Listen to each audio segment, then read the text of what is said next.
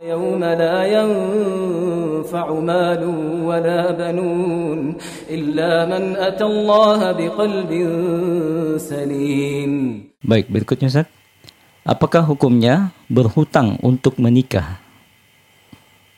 nggak ada masalah seorang boleh dia berhutang untuk menikah apalagi kalau memang dia posisinya wajib untuk menikah ya kadang sebagian orang dimudahkan untuk menikah dan kalau dia tidak menikah bisa jatuh dalam dosa dan maksiat dan hal tersebut kadang membantunya dia dengan dia berhutang maka itu nggak ada masalah iya dan dia berharap bahwa di masa mendatang Allah akan mencukupinya. Allah akan memberikan kecukupan untuknya. Karena Allah Subhanahu wa taala ketika menyebutkan perintah untuk hal itu, Allah sebutkan bahwa dirinya wasiun alim. Maha luas lagi maha mengetahui, maha luas pemberiannya, termasuk maha luas pemberiannya dan maha mengetahui.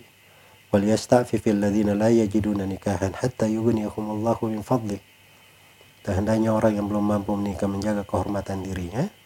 Dengan menikah itu dia menjaga kehormatan dirinya, maka Allah akan beri kecukupan dari keutamaannya. Semoga Allah memberi taufik kepada semuanya.